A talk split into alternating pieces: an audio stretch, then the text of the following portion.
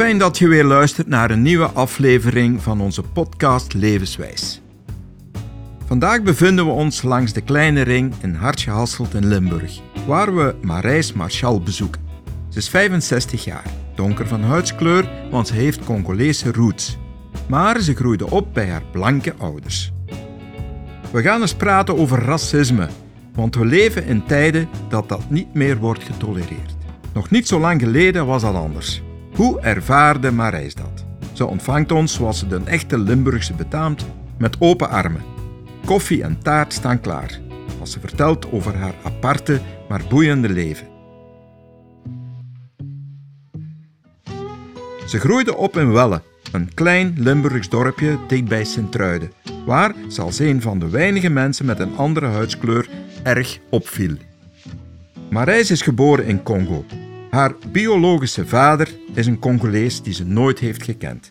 Ze heeft ook nooit behoefte gehad om hem op te zoeken. Uh, ja, ik ben geboren in Belgisch Congo in 56, uh, waar mijn ouders toen uh, verbleven. En dus ik heb nog één, één ouder broer die één jaar ouder is dan ik, die dus ook zoals ik mulat ben. En dan is de rest van onze familie vijf blanke broers en zussen nog. Ja, onze mama is dus uh, blank en uh, de papa, die wij altijd papa genoemd hebben ook. Maar onze biologische vader is uh, inderdaad dus een, een Congolees. Maar wij hebben die nooit gezien, nooit gekend. En we weten dus niet wie hij is.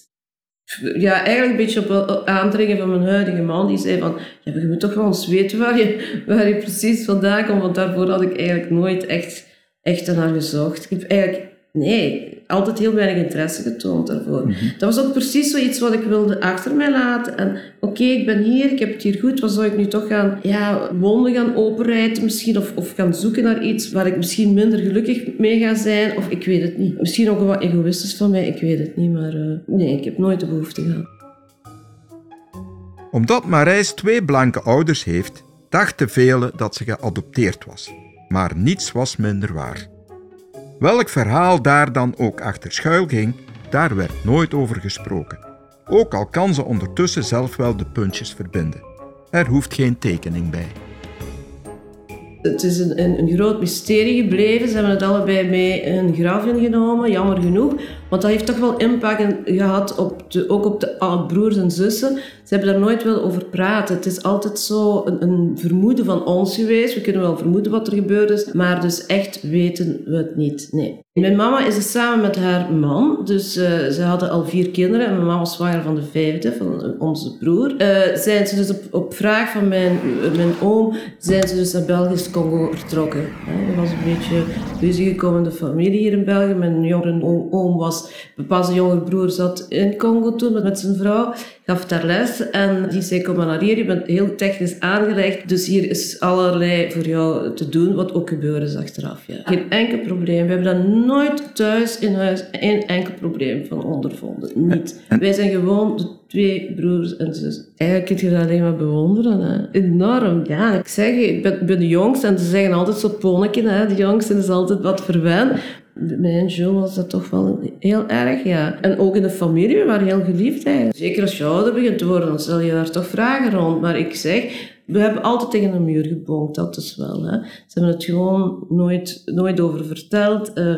maar ja, we waren op een bepaald moment wel oud genoeg om te weten wat er gebeurd is. Hè. Daar moeten we niet flauw over doen. Maar heel veel mensen dachten altijd dat wij geadopteerd waren, maar dat zijn we dus niet. Heb je ooit uh, dat gezegd ook? Ja, maar ik ben niet geadopteerd. Ja, ja, ik durf te zeggen. Ja. Dan zeg ik mhm. gewoon, nee, ik ben niet geadopteerd. Hè. Nee. Weet je, sommige mensen vragen door, anderen zeggen, oké, die denken door. Hè. Het is nooit iemand die me daar echt zo blijft over vragen stellen nu.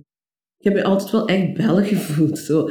Ook al omdat wij in dat kleine dorp waar we terechtgekomen zijn, altijd heel goed ontvangen zijn geworden. Het was altijd, we waren de twee kinderen die, ja, de twee kinderen die er anders uitzagen. Maar in die tijd, in, in 58, ja dan, dan, ja, dan moet wel iets geweest zijn voor de inwoners van, van dat dorp. Maar uh, we hebben er nooit geen problemen mee gehad.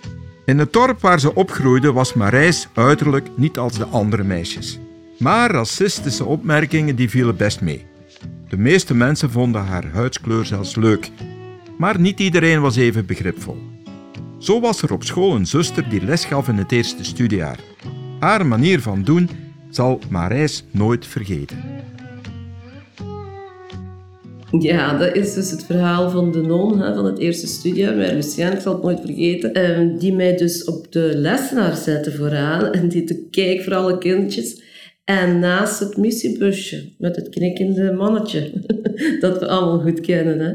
Uh, ja, en dat was niet fijn. Dat vond ik dus... Achteraf noem ik het dus vernederend, hè, wat die non deed met mij. Maar uh, toen had ik zoiets van, ja, wat, wat, wat gebeurt hier? Dat wel, ja. En heb je daar s'avonds met je mama over gebabbeld? Ja, ik, uh, ik vermoed van wel. Ik kan me dat niet meer herinneren, maar mijn spontaniteit kennen, dan ben ik naar huis gehaald waarschijnlijk. En zal ik dat zeker wel verteld hebben, ja. Dat, dat is zo'n verhaal dat waarschijnlijk ook altijd eens een keer terugkomt. Dat verhaal blijft terugkomen en elke keer als er dan weer gesproken wordt over de school of een tijdje geleden, stond die non ergens op een foto en ik dacht, oh nee, daar is ze. ik heb daar dus echt, uh, ja... Maar ja, ik neem daar afstand van, hè, dus dat is zo lang geleden. Er zijn ergere dingen. Marijs is fier op haar Congolese spontaniteit. Ze is open, extrovert en dat heeft haar altijd geholpen om bruggen te bouwen en vrienden te maken. Als racisme opdook, wuifde ze het niet weg, maar bood ze weerstand. Ze kon terugvallen op goede vriendinnen die haar altijd steunden. Ja, ik denk het wel. Ik denk die spontaniteit waar ik het juist over had, die blijheid, die... Uh ja, ze zeggen, dat is wel iets wat ik ken, Nakuna Matata. Hè? Dus wat natuurlijk hier, en dat is dan de, invloed van opvoeding, van dingen die je meemaakt in je leven, natuurlijk wel verandert. Hè? Want je gaat op een andere manier leven. Hè? Je krijgt een andere opvoeding, je krijgt een andere manier van leven mee dan wanneer je in Afrika zou groot geworden zijn. En dan ritme, hè? ritmiek en, en dansen en sfeer. Daar heb ik wel van hun, ja. Uh, ik herinner mij, toen was ik ouder, ja, dan ondertussen zit je dan in het secundair onderwijs. Het zal waarschijnlijk door met spontaniteit gekomen zijn, maar ik had altijd ook heel vlug uh, contacten en heel vlug uh, vrienden en vriendinnen. En de secundair onderwijs heb ik dus ook nooit geen problemen gehad. Ik zat wel weer bij nonnen, maar geen problemen. Maar ehm, dan gingen we eens met bus naar Brussel, dat vergeet ik nooit. En daar stapte dus een mevrouw, een, een, een Congolese mevrouw, in typische klederdracht. En ze stuurt een babytje in de buggy en ik vond dat zo zo een mooi beeld. En ook dat kindje. En ik ga dus naar dat kindje. En die vrouw die trekt die wieg van mij weg, terug achteruit. En die zette stappen naar achteruit. En die spuwde op de grond voor mij. En ik dacht, oh, wat is dat hier? Ja, en achteraf wist ik het. Hè. Zij was dus een vol bloed, zal ik maar zeggen. Zij was dus een echte Congo. Terwijl ik dus maar een half bloed ben. En dat moeten ze dus niet. Hè. Dat hebben ze dus niet graag. Dat is heel raar, maar echte zwarte Congolese vrouwen, nee die houden niet van uh. Wat, wat, je ook al kunt denken waarom. Hè? Dus uh, nee, dat... Ik ging niet veel naar dancings. Wij waren zo meer de vrienden onder elkaar die, die vuifjes gaven aan elkaar. Ik was ook met een jeugdbeweging, altijd ook in de leiding geweest van de jeugdbeweging tot 18, 19 jaar. Ook nog toen ik studeerde. Dat was meer ons ding. En als we dan het weekend teruggingen, oh, dan, dan, dan, dan was er zo ergens op het gemakske ergens iets gaan drinken en iets gaan eten. Toen al eigenlijk was dat zo. Maar dan waren er toch een groep vriendinnen die wel meer naar een dansing gingen en die me toch eens mee wilden nemen. Ik zeg, je gaat er problemen mee krijgen. Nee, nee, we komen er elk weekend. Maar ze hebben er problemen mee gekregen. Ik mocht niet binnen. En wat ik toen ondervonden heb, dat was dus eh, vriendschap ten voeten uit. Ze zijn mee omgedraaid en ze zijn daar nooit meer naartoe gegaan. Dat was dus een prachtig voorbeeld van, hechte vriendschap. Ja. Een lief vinden was geen prioriteit voor Marijs. Maar als ze op zoek ging naar een lange relatie, botste ze soms op ouders die haar liever niet hadden. Uiteindelijk is ze twee keer getrouwd. Haar huidige man is haar grote liefde.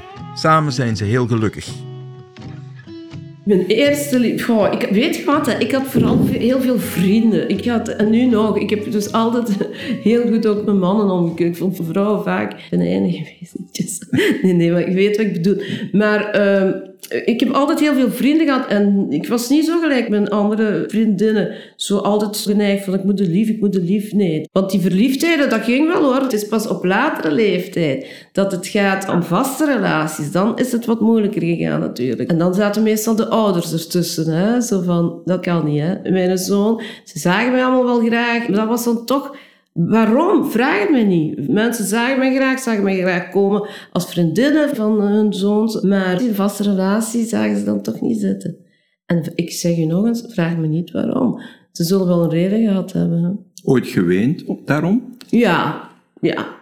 Toen wel. Want dan zag ik toch stilletjes aan zo mijn vriendinnen en, en vrienden ook allemaal stilaan huwen. En, maar ja, dan staat je plots alleen. Hè? En dan beginnen de kindjes te komen overal. En dan zeg je van, "Ah, wat is er nu rondom mij gebeurd? Waar sta ik nu? Maar eh, ja, dat is ook, ook wel opgelost geraakt achteraf.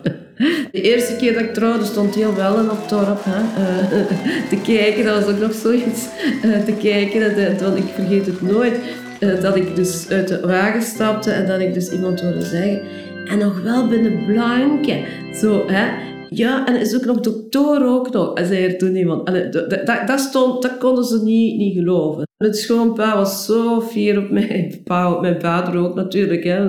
Dat altijd.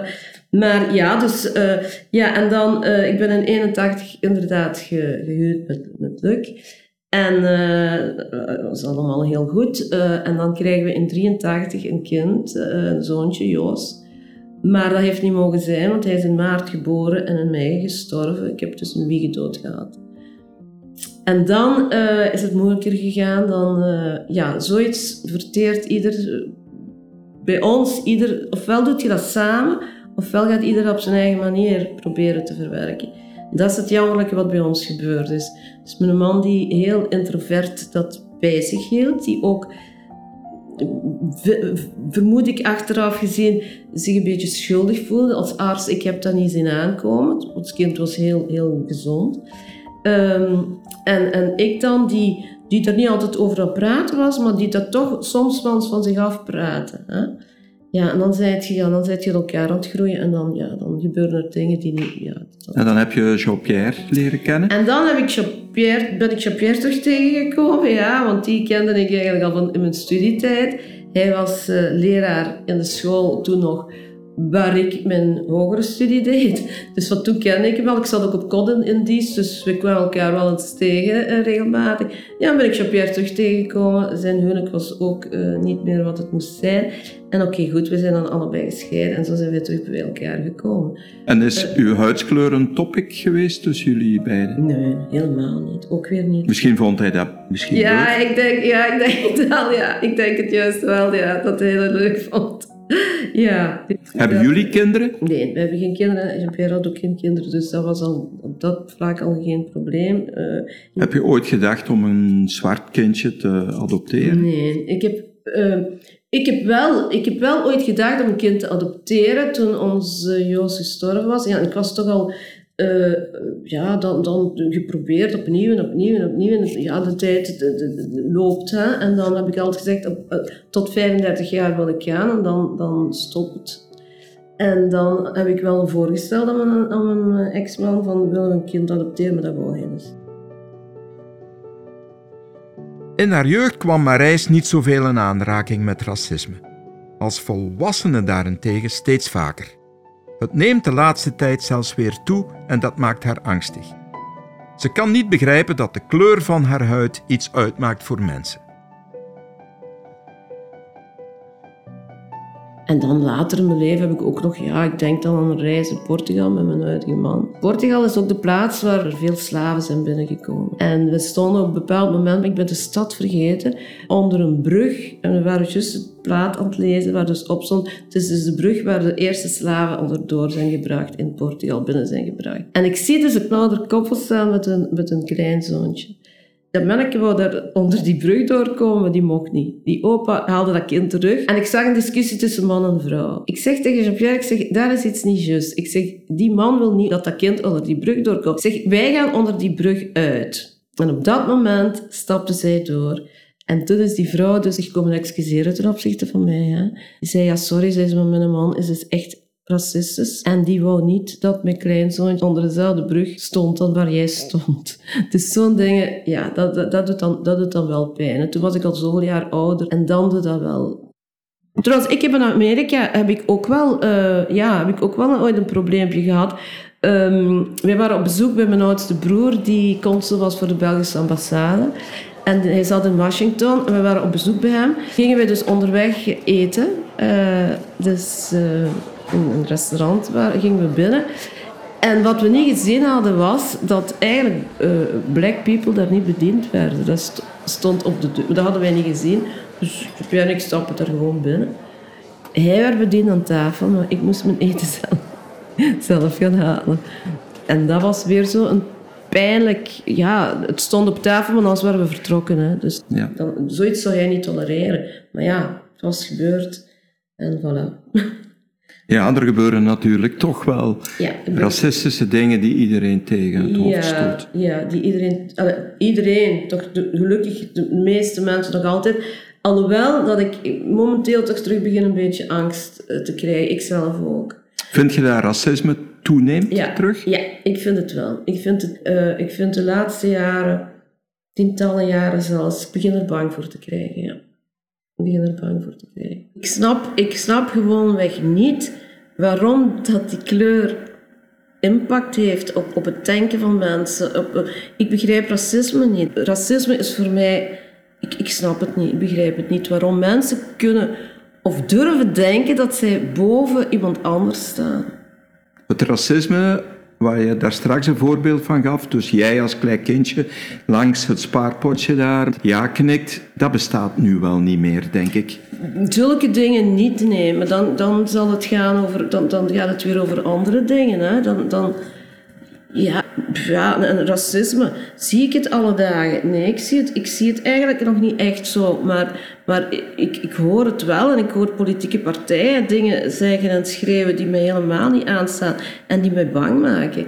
En als ik nu bijvoorbeeld gezien heb die zaken die gebeuren in Amerika, hè, met, met, met, ja, dat, dat, is, dat mensen vermoorden. Hè. Eh, ik heb ze nog geen enkele keer zien gaan zitten op de, de hals van een, van een blanke. Of, ofwel laten ze het ons hier niet zien. Ik begrijp het niet goed allemaal. Ik, ik, ben, ik begin bang te worden. En ik begin zeker bang te worden van die politieke partijen die mensen opjutten. En, en daar trappen veel mensen in. Hè. Marijs was leerkracht. Op de scholen waar ze werkte heerste een open cultuur en was er weinig sprake van racisme. De verscheidenheid aan nationaliteiten vond ze net heel verrijkend.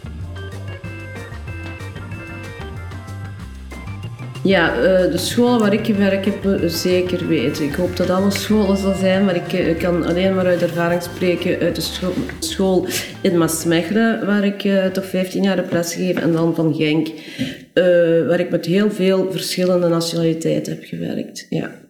Ehm Maasmechelen was vooral zo de klassiekers, de Italianen, de Grieken, Polen. Dat, dat was vooral daar, eh, met hier en daar ook wel wat Turken. Maar dan de, eh, in Genk was, kwamen dan ook de, de Marokkanen daar nog bij. En dan nadien de, eh, de Roemenen en ja, die, de Balkanlanden en, en dergelijke bij. Ehm, wat een groot verschil geeft. Dus, ehm, die, omdat die nationaliteiten eigenlijk heel fel uit elkaar liggen. In Maasmechelen, weet je, de, de, de Italianen, de Spanjaarden, de Polen, dat was nog zo de mentaliteit van de mensen die vroeger gekomen zijn in de mijn werkten. Die hadden een nauw contact met elkaar ook. En, en die leefden bij elkaar in die cités en zo. Terwijl eh, alles wat er daarna bijgekomen is, in, in, in, toen ik in Genk stond, gelijk eh, Turk en Marokkanen, die al botsen onder elkaar vaak, hè? qua cultuur. Eh, ook al zijn het moslims allemaal, maar dat toch wel een andere achtergrond, een andere cultuur. En dat was wel wat moeilijker. Hè? Maar wat de school betreft, eh, werd daar heel fel aan gewerkt. En vooral in Genk hadden we daar een zeer een sterke groep eh, die, die dus dagelijks eh, daarmee bezig was. Wel, jawel. Er werd heel, veel, heel sterk aan gewerkt om die multiculturaliteit op een positieve manier te doen ervaren in de school. Ja.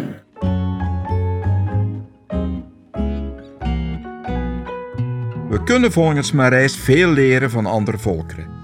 Iedere cultuur is waardevol als je je tenminste openstelt voor elkaar. Zowel gastland als gast. Je kan dan als mens groeien. Het is geven en nemen, zegt ze.